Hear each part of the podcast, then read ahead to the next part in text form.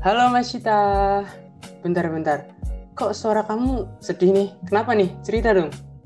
I iya nih, aku tuh eh sedih banget sih asli. Kemarin tuh aku dapet tawaran MC kan, tapi tuh aku kayak tolak gitu loh, karena kan kayak aku nggak pede nih. Terus aku minderan banget nih, aku takut banget nanti kayak ada hal-hal yang nggak bisa aku kendalikan dan akhirnya kacau nih MC-nya. Jadi aku juga takut disalah-salahin dan diketawain kan. Jadi akhirnya aku tolak deh. Waduh, padahal sayang banget gitu loh. Kenapa kamu tolak? Padahal jadi MC itu pengalamannya nanti bakalan keren gitu loh. Tapi aku juga pernah minder gitu sih. Oh iya, hmm, gimana deh kamu ngatasinnya? Iya, nah kebetulan nih di episode podcast Steven Time kali ini bakal ngebahas cara mengatasi minder dengan tema Building Self Confidence. Yuk atasi minder dengan cara pinter. Gitu. Wih, keren banget dong. Wih, asik-asik. Berarti kita dan teman-teman pendengar di Time bakalan bisa belajar bareng-bareng dong. Wah, itu pasti. Terus kamu tahu nggak nih, narsum kita kali ini siapa? Ayo, tahu nggak? Tahu dong, tahu banget malah nih. Kali ini kita akan kedatangan Kak Amran yang berpengalaman banget uh, mengisi materi self pernah menjadi pembicara di TEDx Undip. Iya, betul banget. Mungkin kita nggak usah berlama-lama lagi ya, Mas Cita. Kita langsung panggil aja nih. Kak Amran. Halo, Kak Amran. Halo, Kak. Uh, halo, sumpah aku udah nahan ketawa dari tadi, tapi ya kayak halo guys. Selamat pagi semua. Oke, okay. hai Kak. Aku Yusuf, Kak. Yes, oke. Okay. Halo. Dan Mbak Masita, Kak. Yes, Mbak iya. Masita. Ya, aku tadi sempat dengar cerita-cerita kalian luar biasa sekali. Jadi kita akan ngebahas tentang uh, minder ya, tentang tidak iya. percaya diri. Oke okay, oke. Okay. So what we're gonna talk about in this morning? Oke, okay. nah sebelum itu boleh nih Kak Amran kenalan oh, dulu iya. nih supaya teman-teman pendengar setiap event time ini bisa lebih deket lagi gitu sama Kak Amran gitu. Silahkan okay. Kak.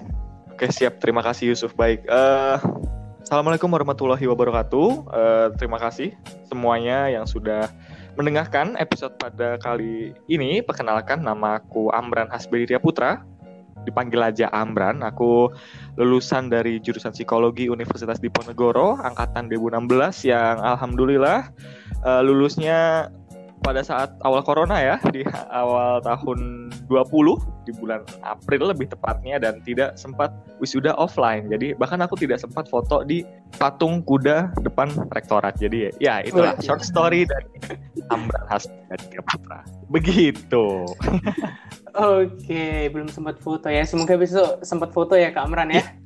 ya amin amin ya. Nanti biar post di Instagram. Oke, oke. Kamera nih gimana? Siap kan untuk kita saling sharing nih tentang tema pada pembahasan kali ini? Siap ya, yes. ya Kamran ya? Siap, siap, siap. Oke. Sebelum jauh-jauh nih, kita bakal ngebahas tentang definisi dulu nih.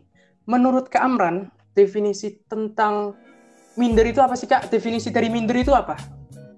Hmm, oke, okay, that's a great question. Uh, jadi kalau aku ini kita nggak akan ngomong secara saintifik atau secara teori hmm. siapa siapa gitu ya, karena takutnya nanti yeah. ya yang denger ya elah kak, gue udah kuliah ngomongnya PPT baca dalam kurung terus tahun. Sekarang masa ngomong itu lagi nggak? Tapi mungkin yang bisa aku relate nih, biar teman-teman yang dengerin juga lebih relate adalah kalau sikap minder. tadi juga dari ceritanya Mas Cita juga ya. Uh, apa nggak nggak jadi ngambil tawaran jadi MC yang kayak gitu. Aku tuh selalu ngedefinisin minder tuh adalah ras, uh, rasa dari uh, kurang percaya diri gitu loh. Atau bahasa gaulnya nih yang banyak di media sosial nih itu adalah uh, insecure ya nggak sih? Secure ya kan? Takut iya, akan iya, uh, karena dia ngebanding bandingnya ke orang. Nah kalau aku sih ngedefinisinya itu Yusuf. Jadi minder itu lebih ke rasa lu nggak percaya diri gitu lu uh, aduh kok lu kelihatan dari asalnya mana ya kamu kamu tidak uh, terlalu mungkin bukan tidak belum belum mempercaya diri kamu sepenuhnya gampangnya kayak gitu definisinya Wih, oke okay, oke. Okay. Iya sih, jadi kayak, eh bener ya kayak aku tadi kan masih belum percaya diri untuk ambil MC, jadi kayak ah, tolak deh, masih minder nih, masih insecure nih gitu. kalau gitu kak uh, oke okay nih uh, masih insecure gitu ya masih belum percaya diri gitu ya kak. Terus sebenarnya biasanya tuh apa sih kak yang nyebabin orang tuh bisa yang kayak gitu gitu? Bisa kayak nggak pedean gitu kan? Sebenarnya hmm. karena apa aja sih yang menyebabin itu kak? Nah ini dia nih. Jadi kayak tadi definisinya kayak misalkan kan minder tadi ngerasa insecure gitu kan ngerasa nggak belum percaya diri lah kayak gitu. Nah biasanya itu ini sepemahamanku ya tenang nggak teori lagi? Ya teori-teori dikit lah jadi kayak uh, kalau di penyebabnya tuh aku ngerasa itu perasaan itu tuh akan muncul ketika kita uh, membandingkan dengan hal lain gitu loh. Maksudnya kan jadi kalau kita membandingkan dengan hal yang lain otomatis kan oh ada yang lebih baik nih dari kita gitu loh. Contoh tadi yang Mas Ita nge apa nge, nge, nge cancel ajakan untuk jadi MC kan kadang ngerasa iya karena kayaknya uh, gue belum aku aku belum belum terlalu skillful deh jadi MC gitu kan. Tapi kan berarti Mas Ita tuh secara nggak sadar ada nih sebenarnya MC yang skillful tuh gimana sih? Nah Mas Ita tuh ngerasa belum memenuhi skillful MC yang skillful tadi gitu kan. Jadi penyebabnya tuh karena kita ada sosok ideal yang kita bandingkan. Jadi kalau nggak nggak mungkin minder tapi nggak ada yang dibandingin menurutku nggak mungkin sih. Mm. misalkan tiba-tiba aduh gue minder ya enggak dong kalau gitu seharusnya tuh pasti akan ada yang lu bandingin. Misalkan ya uh, contoh nih. Misalkan insecurity-ku di akhir-akhir ini. Uh, misalkan ngeliat temen nikah. Langsung semuanya. Jadi kan? Ada yang udah nikah yang udah punya anak tuh ada aja kayak aku insecure kayak anjay yang lain udah pada nikah ya? Lah gue di sini kayak masih nyari kerja apa masih masih kerja kerja aja ngumpulin duit buat uh, beli laptop lah misalkan kayak gitu. Dia udah mikirin biaya popok biaya anaknya. Lah gue di sini istri calon aja belum dapet gitu lah. Kan ada insecurity karena aku ngebandingin sama orang lain. Nah, jadi penyebabnya itu sih. Yang aku pahami ya sejauh ini adalah ketika kita uh, apa kamu akan minder kalau misalkan membandingkan dan kamu ngerasa kamu tuh masih di bawah apa yang kamu bandingkan. Wah aduh jadi filsafat banget ribet banget ya. Coba. Itu inti ya. Get get get gak nih uh, Masita sama Yusuf? Nangkep iya iya. Nangkep tuh kak Iya berarti harus berarti kalau insecure atau minder itu berarti dia itu membandingkan gitu ya sama diri orang lain ya sehingga yang membandingkan itu tuh serasa dirinya tuh lebih wah kayaknya dia tuh lebih ini nih lebih itu gitu ya. Nah yep. terus aku juga pernah sih minder gitu gara-gara uh, aku kan suka kayak apa ya main musik gitu kan ya bisa bisa hmm. doang sih gitu. Terus aku lihat teman-temanku gitu yang main musiknya lebih bagus gitu aku juga merasa minder kayak waduh dia bisa bagus jadi kepercayaan diriku tuh turun gitu. Sehingga kayak malu aja gitu kalau aku main musik gitu. Gara-gara aku bandingin diriku sama temanku yang lebih jago gitu. Kalau Mas Ita gitu juga nggak? Iya, aku juga, aku tuh lebih karena gini sih, kayak ngelihat keaktifan orang lain sih ya, masih yang kayak, aduh orang-orang kok aktif banget ya. Kadang aku, padahal uh, mungkin ada tawaran-tawaran tawaran lain, tapi kayak, aduh kayaknya aku insecure deh, aku nggak akan bisa. Kalau aku yang ngisi, kayaknya aku ngisinya nggak sehebat si A deh, si B deh. Jadi kayak akhirnya, ah insecure gitu. Kalau Kamran pernah nggak selain kasus nikah-nikah ini tadi? itu contoh ini aja ya, yang tiba-tiba I don't take it apa really deep itu tapi kalau yang lebih insecure kayak apa ya momen-momen insecure tuh biasanya kalau misalkan ya aku kan dulu juga sempat main basket ya, terus ngelihat kayak tim lain tuh kayak wah anjir dia kok keren banget. Uh, jadi kayak lebih lebih jago lah lebih uh, shootnya lebih tajam lah uh, shoot bola gitu kayak wah anjir gue insecure nih. Apalagi kalau pas ketemu dia kan jadi kayak head to head gitu kan kalau mm-hmm. olahraga gitu kan. Jadi udah tahu nih jago nih. Wah anjir langsung minder dong. Terus lawan dia secara langsung. Ya udah pasti kalah. Nah itu itu siapa momen-momen yang sering aku rasakan kalau ngomongin minder dan insecure? Walaupun banyak uh, cuma salah satu yang paling aku itu sih. Karena aku dulu dari SMA sampai kuliah juga uh, apa namanya ikutan basket. Terus juga ngelawan yang lebih jago-jago kan. Udah ngerasain kalah juga hmm. rasanya. But ya yeah, I think momen itu berharga banget sih buat kita kita kaum kaum KLC ya yang gaulnya nih ya kan yang kayak aduh aku KLC aku KLC ya I think uh, there is a beauty in disgust lah let's say kayak gitu Oke, oh berarti Kamran ini suka main basket ternyata ya Mas Ita ya? Iya, baru tahu juga nih. Oh, iya. oh berarti oh iya, kayak benar. Iya karena angkatan 2016 guys, kalian juga nggak kenal aku nggak apa-apa sebenarnya aku dulu juga. Iya, cukup berat juga ya kalau lawan apa namanya kalau kita minder sama seseorang terus yang diminderin itu head to head gitu sama kita ya wah gimana rasanya itu Iya iya bener kan langsung seakan-akan kayak di diri kita mengecil gitu nggak sih kayak jadi aduh gitu. Kira-kira menurut Kak Amran nih, dampak negatif sikap minder dari sisi psikologis itu apa sih Kak? Nah itu dia jadi kalau relate ke pengalaman gue tadi misalkan head to head sama yang main basket gitu ya terus kayak kita ngerasa kecil. Nah itu jadi kayak seakan-akan nanti kita nggak akan bisa me, oh ini bahasanya berat banget nih apa memanifestasikan potensi yang kita punya gitu loh. Jadi kayak contoh nih, tadi misalkan uh, relate ke contoh Masita yang ngebanding-bandingin terus kayak, iya apa aku nggak akan bisa sehebat A, sehebat B gitu loh. Tapi mungkin aja sebenarnya Masita tuh bisa sehebat dia, cuma emang belum saatnya aja gitu loh. Nah jadi dampak negatifnya itu adalah kita udah langsung ngekat duluan nih atau ngestop duluan sebelum kita mengeluarkan atau memanifestasikan yang let's say potensi atau bakat di dalam diri Masita itu loh. Jadi nggak nggak belum gini belum mulai aja kok udah berhenti nah hmm, yeah. bahaya itu gitu dampak negatifnya nah tapi kalau ngomongin dampak negatif pasti ada dampak positif dong jadi ini sih menurutku yang teman-teman dengerin juga uh, terutama di sini masih Tama Yusuf yang harus dipahami juga uh, kita banyak di bukan bukan kita banyak maksudnya banyak orang yang bilang uh, kunci kebahagiaan adalah jangan membandingkan diri kamu dengan orang lain gitu loh ya kan?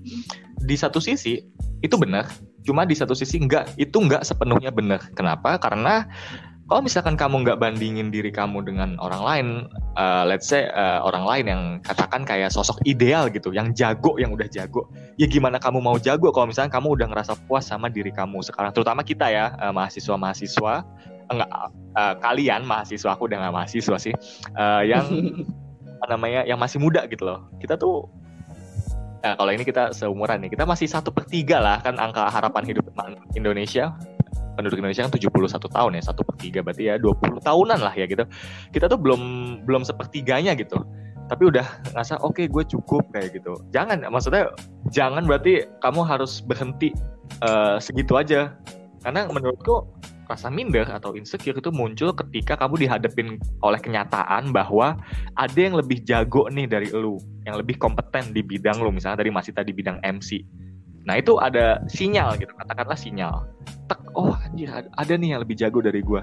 Nah sekarang kalau misalkan dampak negatifnya, jadi kayak ketika sinyal itu datang nih, kamu diem dan oh iya ada nih yang lebih jago ya udahlah terima aja dia lebih jago kayak gitu. Eh, jangan kayak gitu karena itu menurutku malah jadi nggak bikin nge-challenge kita karena kan manusia berkembang hmm. uh, butuh tantangan kan pasti dong itu hmm. kayak di clip proven juga udah bilang gitu. Jadi kayak misalkan kalau kalian di uh, apa namanya disuguhi atau ditaruh di tempat baru gitu loh. Nanti secara nggak langsung tuh protein dari genom DNA kalian tuh nambah sendiri gitu. Karena ya itu udah basic biology lah. Tapi itu nanti topik ya itu nanti ngomongin sama anak biologi aja. Nah itu. Nah, kalau tadi kan sisi negatif berarti ketika kita tahu ada orang yang jago nih terus kita diem ya kan? Tapi kalau sisi positif ya oke nih ada orang yang jago nih. Oh ya udah gue tanya aja ke dia gimana caranya jadi kayak dia ya? Atau setidaknya eh, setidaknya cara jadi dia atau cara melebihi dia karena gue juga mau berkembang dong karena kita ditunjukin tuh secara kenyataan gitu loh. Ini loh ini posisi lu masih di bawah dia. Nah lu mau berkembang ya lu tanya ke dia karena dia lebih berkembang udah lebih di atas lu gitu loh. Nah itu jadi dampak negatif dan positifnya kayak gitu dari sikap minder. Jadi jangan seakan-akan yang mau aku pointing out ya adalah jangan yang buat yang denger juga jangan ketika kamu ngerasa minder atau insecure tuh langsung wah anjir yaudahlah uh, tapi gue cinta kok sama diri gue nggak apa-apa it's okay, okay no don't don't don't don't say okay uh, too fast gitu loh. Karena itu sinyal dan lu juga harus jadi kayak nunjukin tempat berkembang tuh ini loh yang lu harus revisi nih. Kalau enggak pasti masa depan lu ke depan lu tuh bakal lebih sulit gitu loh. Itu jawaban panjang dari pertanyaan singkat get gak tapi gitu ya gitulah ya. Setuju setuju setuju. Ih aku suka banget sih kata-kata kakak yang bilang itu tuh sinyal loh untuk kita pengen berkembang di bagian situ gitu. Jadi kita kayak yeah. oke okay, aku mau memenuhi panggilan tersebut gitu. Memenuhi yep. panggilan dari yang ada nih sinyal dari insecure Wih. Mungkin ini juga aku aku juga tiba-tiba kepikiran ya apa nambahin dikit. Jadi misalkan hmm. tadi oke okay, berarti Kamran uh, bilangnya gini dong. Pasti banyak yang dengar itu nanti bakal bilang oke okay, berarti Kamran bilang jangan bandingin diri apa jangan bandingin uh, bandingin sama diri orang sama orang lain tuh boleh. Aku, aku nggak bilang sepenuhnya gitu loh. Karena pertama gini kita kalau bandingin sama orang lain ya kan kayak pertama keluarganya aja beda ya kan backgroundnya aja beda asalnya aja beda lingkungannya beda uh, kapasitas finansialnya beda, fasilitas yang dipunya beda gitu loh. So I think at some point boleh kita ngebandingin sama orang lain, tapi at some jangan sepenuhnya gitu loh. Dan terus gimana? Terus Kamran apa maksudnya? Gue malah jadi bingung nih. Ya menurutku yang harus kamu bandingkan itu ini aku belajar juga dari buku Jordan Peterson 12 Rules 12 peraturan untuk hidup kalau yang penasaran nanti mau baca silakan itu dia bilang compare yourself with who you were yesterday, not with someone else's today. Jadi intinya bahasa Indonesia-nya, bandingkan diri kamu dengan diri bandingkan diri kamu dengan diri kamu di kemarin, di hari kemarin.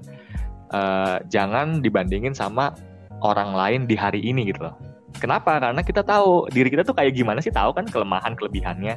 Nah, karena kita tahu diri kita sepenuhnya, well nggak sepenuhnya diri kita gitu loh. Kita tahu nih mana nih yang berku, uh, kekurangan kita, mana yang kelebihan kita. Nah makanya kalian kalau mau ngebandingin diri, setidaknya lebih seringnya bandingin diri kamu sama diri kamu di hari kemarin, jangan sama orang lain di hari ini. Karena itu adalah uh, perbandingan yang pas gitu loh. Karena kita tahu background, karena backgroundnya sama, uh, tadi fasilitasnya sama dan segala macam. Karena ya itu diri kita sebenarnya. Itu buat nambahin to give some context saya ke teman-teman kayak oh berarti kayak uh, bandingin ke orang lain jangan sering gitu loh. Sesekali boleh cuma yang sering ka, harus dibandingin adalah diri kamu di uh, hari kemarin. Karena ngelihat lu improve nggak sih dari hari kemarin? Kalau belum ya improve hari ini jangan bandingin sama orang lain karena tadi fasilitasnya beda, backgroundnya beda yang kayak gitu. Itu buat memperjelas statementku di jawaban tadi sih. Wah keren keren keren iya iya sih iya sih bener sih iya iya iya gimana Mas Ita nih? Iya prosesnya aja udah beda ya kenapa kita iya. bandingin sama orang lain di hari ini juga gitu. Kalau gitu Kamran tadi kan kakak udah jelasin ya kalau misalnya ya minder itu ada nih dampak negatifnya gitu, misalnya insecure gitu. Terus ada juga nih dampak positifnya kita bisa jadi punya sinyal untuk oke okay, aku pengen nih berkembang di sini gimana caranya kita memenuhi sinyal-sinyal itu gitu kan. Nah terus kak ada nih yang bilang kalau misalnya lawan dari insecure, lawan untuk uh, apa minderan ini adalah kita percaya nih sama diri kita, percaya nih sama kemampuan kita. Nah, menurut kakak itu apa sih pentingnya untuk membangun kepercayaan diri itu, kak? Apakah itu hal yang kayak ya udahlah ya, ngalir-ngalir aja deh? Apa itu harus kita perhatikan dan kita bangun nih kepercayaan diri? Kalau menurut kakak gimana, kak? Iya, aku tiba-tiba keinget quotes ya karena aku suka collect quotes gitu ya di Pinterest, Twitter, nge-like nge-like quotes quotes bagus gitu kayak uh, bahasa Indonesia gini. Aku parafrase ini, cuma bahasa Indonesia-nya. Intinya tuh kayak gini. Kalau misalkan pasti akan ada satu saat di mana orang lain tuh udah nggak percaya nggak ada orang yang percaya sama diri lu dan pada saat itu yang harus percaya sama diri diri lu tuh ya diri lu sendiri gitu loh jadi menurutku penting banget untuk membangun kepercayaan diri karena ketika aku nggak tahu nih mungkin Mas Sita atau Yusuf udah pernah ngalamin ya tapi ketika nanti pasti ada deh satu saat ketika kamu akan self blaming bahasa gaulnya atau apa blaming itu apa ya bahasa Indonesia ya? Hmm. uh, nyalahin menyalahkan ya yes, menyalahkan diri sendiri gitu kayak anjir lu nggak becus banget Bran anjir lu nggak ini. Akan ada saatnya gitu dan beruntungnya mungkin kalau kita dari yang dengerin juga ada ya, punya circle yang baik gitu ya mereka bakal support. Tapi ada waktu ketika nanti self blaming tapi nggak ada eh, nggak uh, ada circle gitu nggak ada teman kita yang biasanya nge-support kita nah di situlah yang bahaya ketika kamu uh, apa namanya tidak mempunyai kepercayaan diri yang bagus gitu jadi kayak ketika kamu nggak bisa ngeyakinin diri kamu sendiri, oke okay, ini proses, oke okay, ini apa. Jadi kalau misalnya gitu self blaming terus kamu nggak bisa ngebangun kepercayaan diri kayak misalkan self blaming kan kayak lu nggak becus banget sih beran misalkan kayak gitu. Terus kita uh, terus aku belum bangun nih suatu kepercayaan diri. Jadi kayak oh anjir ya benar juga ya gue nggak becus banget. Nah itu udah kalian akan bisa perjalanan panjang ke mungkin bisa sampai depresi atau segala macam self blaming, self hating, self uh, self harm, etc. etc. Nah itu mungkin diawali dengan tidak adanya komponen dasar dari kepercayaan diri kamu bahkan nggak bisa percaya sama diri kamu sendiri gitu jadi kayak eh, tiba-tiba kepikiran coach juga uh, gimana kamu mau percaya sama orang lain kalau kamu belum percaya sama diri kamu sendiri ya kan kan cringe-nya uh, simpelnya kayak gini kan gimana kamu mau mencintai orang lain sebelum padahal kamu belum mencintai diri sendiri simpelnya kayak gitu It start from yourself kan jadi ya kalau kamu mau percaya yeah. sama orang lain ya percaya dulu sama diri sendiri profonnya itu yang pentingnya dari membangun kepercayaan diri itu itu Oke, tadi aku ngutip ya. Gimana kamu mau percaya sama orang lain padahal kamu belum percaya sama dirimu sendiri? Oh my god. Wah, keren keren keren.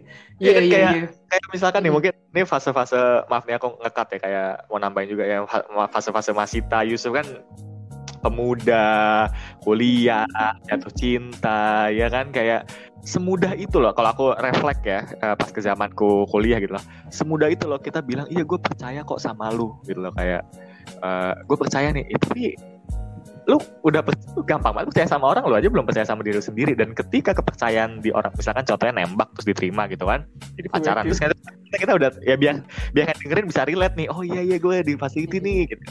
Uh, ditembak terus diterima kan ada kepercayaan di dia. Dan misalkan dia putus gitu terus cabut kan tersakiti galau-galau banget kan? Bisa segalau-segalau galaunya apalah itulah. Iya iya. Bukan karena kita kebanyakan orang semudah itu memberikan kepercayaan ke orang lain dan ketika orang lainnya cabut itu siapa yang bisa percaya sama diri kita? Gak ada kan? Karena yang kita kasih kepercayaan udah cabut. Itu bahaya. In a nutshell kayak gitu profoundly dari kepercayaan diri. Pengalaman okay. kayak Imran iya betul. Mm, berarti Jadi memang penting lah banget ya Iya, berarti memang penting banget ya. Penting banget buat kita untuk punya kepercayaan diri yang besar gitu ya. Aduh, aku setelah mendengar ini nih obrolan dari Kak Amran nih langsung tiba-tiba nih aku merasa pede gitu. Merasa kepercayaan diriku nambah nih. Gimana Mas Cita? Kamu gitu juga nggak? iya lumayan nambah sih lumayan nambah jadi lebih iya. kayak oh, oke okay, terbuka nih pikirannya gitu aku kayak ngerasa percaya diri buat nembak dia nih berarti okay, yang, okay. yang, denger, yang denger kayaknya lah semoga yang denger nih yang lagi di PDKT-in sama Yusuf oke oke okay, kita lanjut ya ke pembahasan selanjutnya nih oke okay, kan Kak Amran sendiri udah sering uh, banget nih ya jadi pemateri di mana-mana lah gitu ya terus bahkan pernah jadi pembicara di TEDx juga ya Kak ya Iya, tapi tolonglah itu udah bercandaan lama banget tahun berapa sih itu ya nggak sih? tahun berapa itu? 2000. Oke. Okay. Lupa 2019 ya? 2019. Iya, 19. Ya. Oke, oke terus. Oke. Sebenarnya gimana sih uh, Kak Amran ini bisa punya kepercayaan diri yang sebaik itu gitu? Gimana cara dan gimana cara untuk membangun sebuah self confidence untuk aktualisasi diri dengan cara yang tepat gitu, Kak? Oke, okay. nah ini uh, jadi juga tadi ini ya apa nge kutip dalam tanda kutip kutip Yusuf yang ketika tadi Yusuf bilang jadi semakin percaya diri yang besar gitu lah. Nanti mungkin kita akan bahas ya apa di pertanyaan selanjutnya kayak sebenarnya kepercayaan diri yang ekstrim itu juga nggak baik gitu loh. Tapi itu mungkin nanti pertanyaan selanjutnya. Tapi yang tadi pertanyaan Yusuf adalah bagaimana cara membangun self confidence. Tadi kan aku udah bilang di awal kalau misalnya minder tuh atau insecure ketika itu adalah perasa sinyal ketika kamu ngebandingin diri sama orang lain. Yang artinya tuh dia udah sosok ideal lah, sosok yang lebih jago, sosok yang lebih berkompeten, ya kan? Nah, menurutku cara membangun self confidence simpelnya atau kepercayaan diri yang tepat adalah membangun kompetensimu dulu. Membangun kompetensi, maksudnya kompetensi ini kemampuan ya. Misalkan dari yang Mas Cita tadi, uh, kemampuan untuk MC gitu loh. Itu kan suatu hal yang bisa dilatih sebenarnya. Ya kan, uh, setiap hari misalkan Mas Cita ngomong di depan uh, kaca, terus ngobrol seringin buat podcast kayak gini biar lebih lancar nggak uh, nggak ada uh, ya gitu nah itu itu kan bisa dilatih gitu lah nah cara membangun kompeten adalah dengan latihan gitu pertama dengan latihan ya kan pasti uh, repetition is the is the best method lah. Terus juga dengan kamu cari mentor, ya kan? Aku jadi inget uh, salah satu konsep ini aku baca di internet karena ya aku suka banget pengembangan diri lah. Kayak ada konsep uh, dari pelatih, ya dari MMA, tahu nggak sih kalian MMA? Hmm, apa tuh kak? MMA, MMA gitu ya. Tinju itu gak? Iya, betarung-betarung mix martial art ya. Oh, Oke. Okay. Jutsu ada apa gitu. Pokoknya dia ada salah satu atlet dari situ tuh bilang rumusnya tuh untuk berkembang ya untuk berkembang gitu ya untuk membangun self confidence atau membangun kompeten ya kompetensi uh, plus minus sama dengan maksudnya gini plus cari orang yang kompetensinya tuh di atas kamu plus dari kamu maka itu cari mentor ya kan terus cari minus minus dalam artian cari orang yang uh, kompetensinya masih dirasa kurang dari kamu. Biasanya junior nih, biasanya maba-maba. Misalkan aku kalau aku kan senior gitu ya, berarti kan mabanya uh, yang di bawah aku kan kayak secara angkatan Masita, Yusuf yang hipotesisnya adalah kalian masih belum punya pengetahuan sebanyak aku gitu loh. Karena kan ya dari matkulnya kan aku udah ngelewatin matkul-matkul kalian gitu kan, misalkan kayak gitu. Jadi plus cari orang yang di atas kamu, artinya mentor. Uh, minus cari orang yang di bawah kamu dan dalam hal kompetensi itu itu artinya cari menti ya uh, ya yang di bawah yang yang kamu guide lah yang kamu pandu ya kan minus terus sama dengan itu adalah uh, cari orang yang setara sama kamu nih misalkan aku terus ada temenku hmm, agak misalkan namanya sama dengan kan sama-sama angkatan 16 nih. Nah, jadi kenapa kalau kenapa harus cari plus minus sama-sama dengan?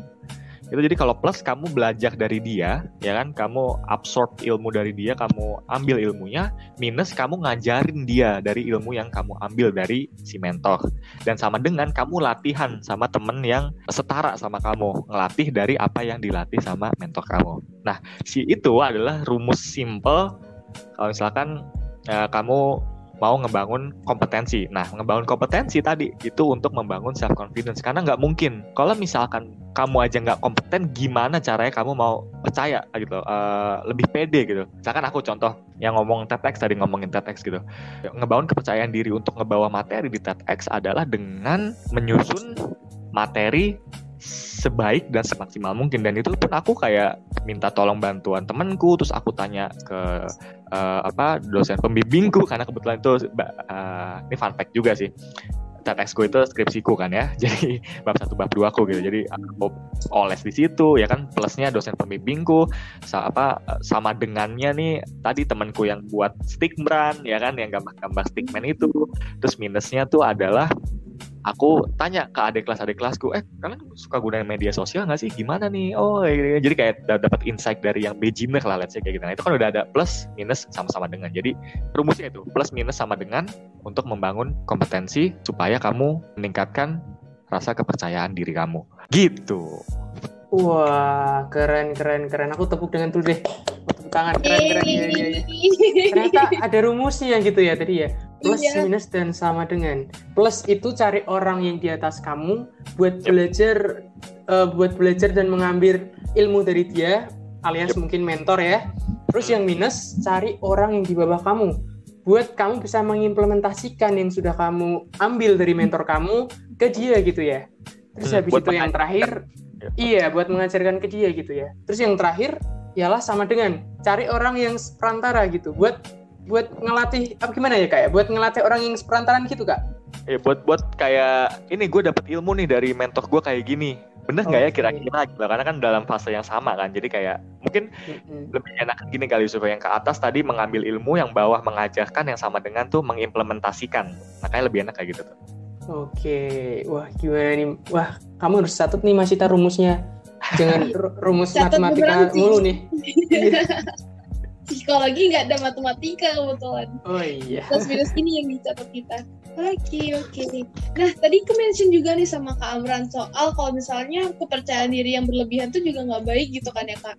Terus aku keinget banget nih Kak, ada pernah uh, orang jadi teman aku sebutlah A, dia ngomongin si B, terus dibilang nih kalau si B itu tuh kayak narsis banget dah, kayak suka banget gitu post-post selfie lah, terus TikTok, terus yang kayak gitu-gitu kan. Padahal kalau dari aku sendiri ngerasa kayaknya ya itu nggak narsis-narsis juga sih, kayak cuman ya udahlah dia lebih pede aja gitu kan. Nah, jadi Mbak penasaran juga gitu. Sebenarnya perbedaan narsis ini yang uh, percaya diri yang berlebihan ini sama percaya diri yang baik itu gimana sih, Kak? Hmm, iya. Oke, nah ini sih yang kita harus uh, teman-teman yang dengerin juga harus tahu nih. Jangan ketika ngomongin episode eh ngedengerin post episode ini kan terus kayak anjir kamu percaya diri nih harus building kompetensi ya gue percaya sama diri gue nih ayo gue gue bisa gue bisa gue bisa kayak gitu. Jangan karena uh, apa sesuatu yang berlebihan pasti tidak baik kan pada dasarnya kan. Jadi kita harus kayak uh, menengah apa temukan jalan tengah lah. Maksudnya yang sedang-sedang aja gitu. Nah oke okay, jadi gini kita harus mungkin ini pengetahuan baru juga buat Yusuf ya tapi kalau Mas Ita nggak nggak terlalu awam lah sama ini. Kita kan belajar namanya DSM ya Mas Ita ya, kitab kitab kitabnya para psikolog, kitab suci para psikolog yang jadi ini buat Yusuf uh, ini yuk, yuk ya kalau kamu UUD kan? Eh kamu dari benar kan sih? Apa yang tadi? Aku lupa. Iya, Eva. Ya kan, ya kan? Kalau kamu undang-undang dasar kalau anak psikologi punya uh, eh, DSM itu diagnostik uh, statistical of manual mental health disorder Maaf kalau uh, singkatnya ya. salah.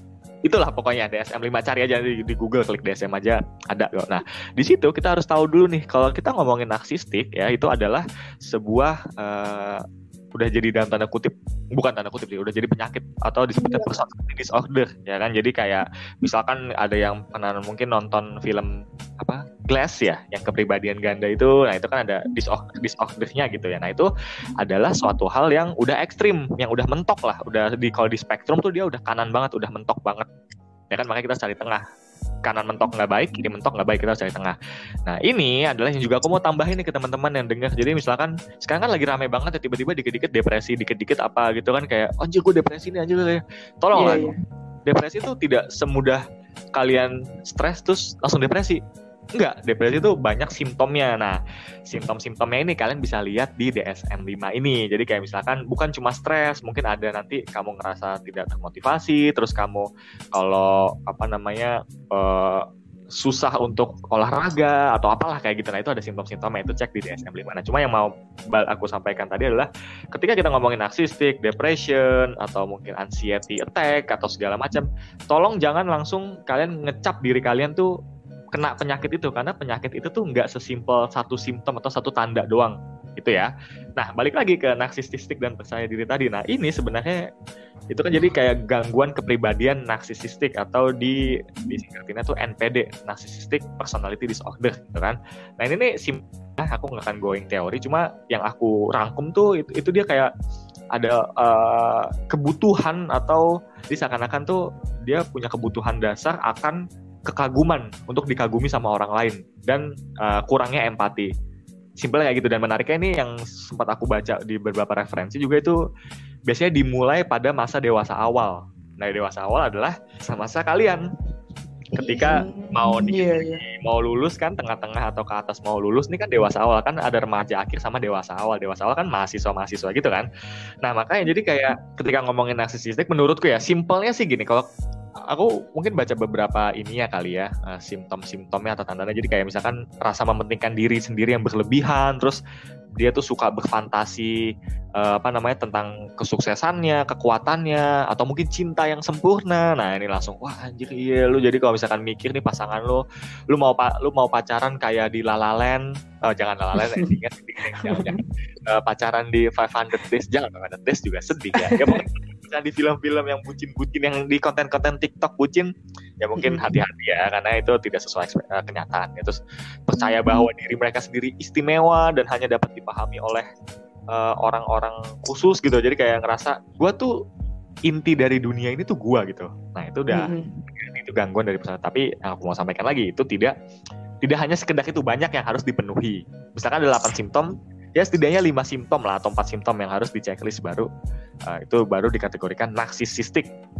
Nah tapi itu juga harus di checklist sama profesional ya kan? Nggak mungkin anak-anak uh, sarjana kayak aku atau mungkin mahasiswa langsung oh iya lu checklist nih lu checklist lu checklist. Wah lu langsung narsisistik nih gangguan lu. Nggak nggak nggak boleh kayak gitu karena itu harus dilakukan sama profesional. Tapi yang mau aku rangkum yang karena panjang banget ya intro ya perbedaan antara percaya diri yang di tengah spektrum sama yang di ujung spektrum kanan tuh menurutku ini sih ketika kita percaya akan diri kita sendiri tapi nggak ada buktinya. Kalau aku sih simpelnya kayak gitu ya. Contoh nih misalkan aku ini aku bakal nge-trigger banyak orang banget ya cuma but I will say it anyway gitu loh. Ketika kamu nyantumin di CV kalau kamu punya kemampuan public speaking yang bagus misalkan kayak gitu sih. Ya kan? tapi apa yang apa uh, apa tandanya kamu punya public speaking yang bagus? Misalkan kalau aku nih wah ini di pas bakal wah anjing sombong banget Kak Amran. Apa misalkan aku uh, ikut jadi speaker TEDx kayak gitu. Ya kan? Itu aku ada ada buktinya nih. Ya kan? A aku ada bukti kalau misalkan oh public speakingnya uh, public speakingnya pernah jadi public speaker nih. Dan pas lihat di rekamannya dan menurutku itu bagus makanya aku cantumin. Jadi ya udah nih lihat aja buktinya. Oh iya karena TEDx kan kayak let's say uh, di atas rata-rata lah ya apa kompet kompetisinya kayak gitu kan. Jadi kayak oh ya kategorinya bagus lah menurutku kayak gitu kan. Jadi ketika kita sekedar mengagung-agungkan diri atau memuji-muji diri tapi nggak ada buktinya atau nggak ada pri, atau nggak ada pelakuan atau perilaku yang kamu lakukan untuk mencapai apa yang kamu omongkan. Jadi nggak ada sinkronisasi tuh nggak sinkron antara omongan sama perilaku hmm. atau bahkan uh, prestasi atau uh, bahkan bukti-bukti lah di masa lalu ya gitu. Itu jadi sesimpel itu aja sih sebenarnya. Cuma intronya panjang banget, sorry banget guys. Tapi setuju awareness iya sih. Berarti lebih ke apa ya? Dia itu tuh menganggap dirinya ini ini tuh ini tuh duniaku gitu ya padahal dirinya itu uh, kayak belum ada prestasi bisa dibilang gitu ya Tadi iya cuma mungkin kita kita ya, kita juga juga juga harus ini sih jadi bukan berarti aku bilang oh anjir langsung pas dengerin ini kayak oh ya udah gue emang bukan public speaker sih kayak Kak Amran ya udahlah gue hapus aja gitu. Ya jangan kayak gitu juga gitu lah maksudnya mm -mm. kamu apa pun yang kamu cantumkan di media sosial atau di CV gitu ya pertama kan pasti orang yang pas baca oh iya percaya aja. Cuma kalau nggak ada buktinya buat apa gitu loh. Hmm, contoh okay. misalkan ini yang aku ini sangat trigger banyak orang banget sih. Contoh kayak gini. Misalkan aku uh, ikut pelatihan ya kan di LinkedIn. Terus aku ngepost di LinkedIn nih sertifikat. Ini terserah uh, penilaian Mas Ita sama Yusuf gimana ya cuma kalau aku ngelihat ketika ikut pelatihan terus kamu ngepost sertifikatnya aja tanpa ada project yang kamu kerjakan atau implementasi dari hal yang kamu pelajari di pelatihan tersebut menurutku itu sia-sia aja sih. Itu cuma bagian dari branding. Dan aku nggak suka kata branding. Kenapa? Karena menurutku personal branding ya kan sering banget orang bilang iya branding gue personal branding gue kayak gini. Itu menurutku ada komponen bohong gitu loh atau membuat-buat berpura-pura. Kalau aku ya pendapat kepribadi ya. Jadi aku lebih suka dengan istilah reputasi daripada iya. personal branding. Karena kalau reputasi itu misalkan tadi ya misalnya uh, Mas Ita buat oke okay nih uh, mau mengundang siapa nih? Oh uh, ada pilihan nih pilihan speaker. Terus ada aku namanya oh Kamran aja karena aku tahu nih Kamran pernah. Pas itu aku juga pernah ngisi di acara Masita juga kayak gitu. Karena aku udah ada reputasi kan. Aku nggak ngebrand diriku cuma aku ada reputasi dari Masita. Mau to mode-nya tuh jalan. Nah makanya jadi menurutku kayak gitu sih. Uh, ketika kita setidaknya apa yang kalian omongkan ke orang lain tolonglah buktikan atau setidaknya kalian laku, beneran lakukan. Walaupun iya. nggak akan nggak ngelihat kalian tapi tolonglah. Ya itu masalah hati nurani aja sih kalau menurutku ya. Oke oke. Iya iya. Berarti kalian nih kalian ya semua ya. Waduh aku ngetek semuanya nih. Ngetek followers Instagram semua nih.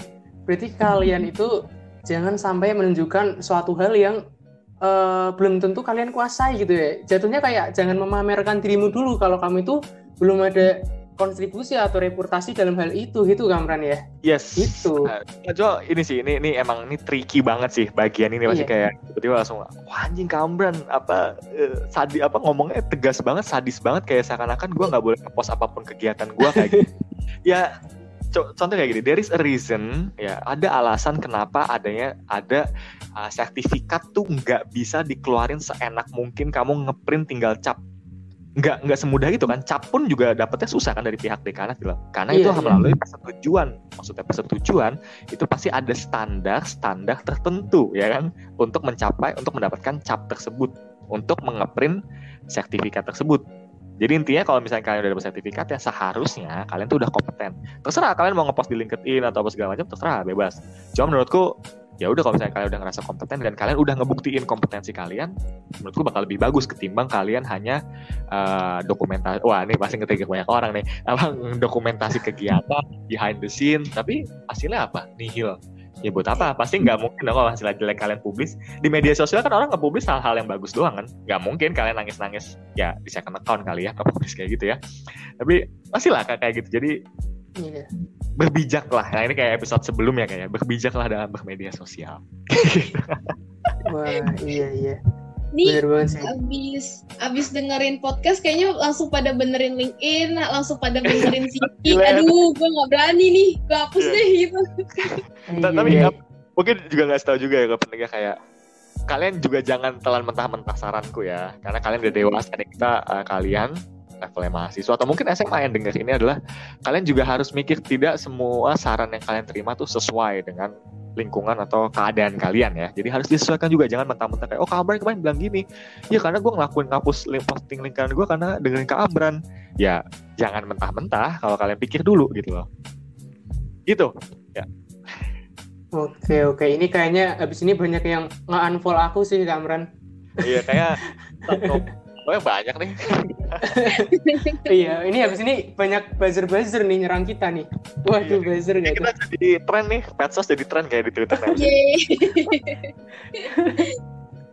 Oke, mungkin gimana nih Mas Ita? Kamu gimana merasa merasakan uh, apa namanya? Merasa gimana nih setelah mendengar pendapat dari Kak Amran gitu, argumen dari Kak Amran nih? Aku ngerasa ke trigger dan terbooster juga sih jatuhnya. Kayak aduh aku bener nggak ya nyantuminnya kayak aku harus refleksi lagi nih bener nggak ya? Tapi ke booster juga sih kayak oh oke okay, udah aku udah menyantumkan hal-hal itu yaudah aku harus bertanggung jawab dong. Aku harus kayak oke okay, aku bertanggung jawab terhadap apa yang aku berbagi-bagikan deh di CV di LinkedIn oh. dan lain-lain. Gitu. Iya yeah, iya yeah, betul betul. Be, be yourself gitu ya Mas Ita ya? Siap. Oke, okay, nah mungkin karena tadi pembahasan udah ya, mungkin kita langsung aja nih. Oke, mungkin uh, aku mau ngucapin ya, aku sama Mas Cita mau ngucapin terima kasih banyak buat Kamran untuk sharing-sharingnya tadi ya, itu sangat bermakna sekali sih buat aku sama Mas Cita dan semoga bermakna juga ya bagi teman-teman pendengar setia di Time gitu. Dan aku juga ada hal-hal baru gitu terkait gimana sih membangun self confidence ini gitu. Oke. Okay. Uh, eh, karena ada punya podcast ya Kak Amran ya. Nah, mungkin Kakak Kak Amran mau promosi dulu Kak. Boleh banget Kak, dipersilahkan nih. Oke, boleh. Nah, jadi karena ngomongin wah langsung apa uh, otak-otak marketing gue langsung keluar nih. ya, jadi uh, karena kita ngomongin topik tentang self confidence, kepercayaan diri yang tadi juga aku bilang uh, kompetensi ya, harus membangun kompetensi juga salah satu faktornya dan itu juga uh, masuk ke kategori pengembangan diri ya kalau di toko buku ya kan? Pasti ada buku kategori pengembangan diri. Tapi menariknya tidak ada uh, kategori buku pengembangan mengembangkan orang lain. Kenapa? Karena untuk mengembangkan orang lain kita harus mulai dari diri sendiri. Nah jadi podcastku itu berisi tentang uh, oh sorry namanya adalah petualangan stick brand nggak usah nanya kenapa petualangan stick brand pokoknya itu udahlah itu an animasiku itu imajinasiku sendiri. Jadi no judgment please. Nah, di situ aku ngebahas tentang topik-topik uh, psikologi dan pengembangan diri jadi kayak misalkan pengembangan diri ini kayak habit, kebiasaan, atau mungkin meditasi. Terus uh, akhir-akhir ini aku juga lagi coba breath exercise. Jadi kayak apa namanya pelatihan pernafasan itu ternyata menarik juga bisa ngubah psikologi. But anyway, itu topiknya tentang psikologi dan pengembangan diri di petualangan stick brand kalian buat yang dengar mungkin penasaran apa nih oh Kak Amber ngomongnya udah pedes banget tadi coba ah gue mau dengerin podcastnya se sepedes apa lagi misalkan gitu kan kayak mau di trigger warning itu silahkan kunjungi di Instagram gue di profilku at amran underscore dan nanti klik linknya di bio dan nanti klik podcast. Atau bisa nonton TEDx saya di linknya itu diklik aja. Ya itu singkatnya dari podcastku berjudul petualangan Stigmran Eh sih, Iya seru banget nih teman-teman langsung otw ya uh, kepoin Spotify-nya dan Instagram-nya juga dan juga jangan lupa lihat video Kamran mengisi TEDx di YouTube. Di linknya ada di bio ya kak? Yes, yes, yes. Oke. Okay. Nah, oke okay, Kak. Nah, sekarang Kakak mungkin boleh nih memberikan closing statement nih Kak. Kasih pesan-pesan buat teman-teman pendengar untuk bisa sehebat Kak Amran juga nih yang pernah ngisi di sesi TEDx dan berbagai platform lainnya dan juga punya wadah podcast sendiri yaitu Virtual Stickman. Boleh silakan Kak. Oke. Okay. So, jadi hmm, yang aku mau sampaikan untuk menutup episode kita pada kali ini adalah jangan coba menjawab pertanyaan siapa diri kamu sebenarnya. Tapi coba jawab pertanyaan bisa jadi apa diri aku di masa depan. Karena menurutku itu adalah pertanyaan yang benar, yang tepat untuk ditanyakan ke pemuda-pemuda seperti kita. Kenapa? Karena banyak orang yang fokus untuk menemukan jati diri mereka tapi lupa mengembangkan diri mereka gitu loh bahkan untuk mengembangkan orang lain. Jadi mereka akan fokus ke diri mereka jadi kayak narsisistik atau egocentrik. Tapi kalau misalnya kita tanya who you could be, kamu bisa jadi apa sih di masa depan? Kalian pasti akan melakukan effort terbaik dan effort terbaik akan menimbulkan kompetensi dan kompetensi akan meningkatkan kepercayaan diri kalian. So, jadi jangan tanyakan siapa diri kamu sebenarnya, who you are. Jangan sering tanyakan itu, tapi coba mulai sering tanyakan, lebih sering tanyakan who you could be. Bisa jadi apa sih kamu? Bayangin kalau misalkan potensi yang kamu punya nih itu keluar semua di masa kuliah kamu atau di masa depan kamu. Dan kalau kalian bisa jadi sosok ideal dari diri kalian, ketika potensi yang kalian punya tuh dimanifestasikan seluruhnya, ya mungkin kalian akan jadi sosok yang lebih baik. Itu dia closing statementnya. Uh, bagus banget ya. Wah, keren keren. Wah, don't apa tadi bahasa Inggrisnya gimana nih? Don't ask who you are gitu. Apa kita gimana Mas Cita? Pokoknya jangan sering tanya uh, who you are gitu loh tapi coba yeah. sekarang mulai sering tanya who you could be. Yeah.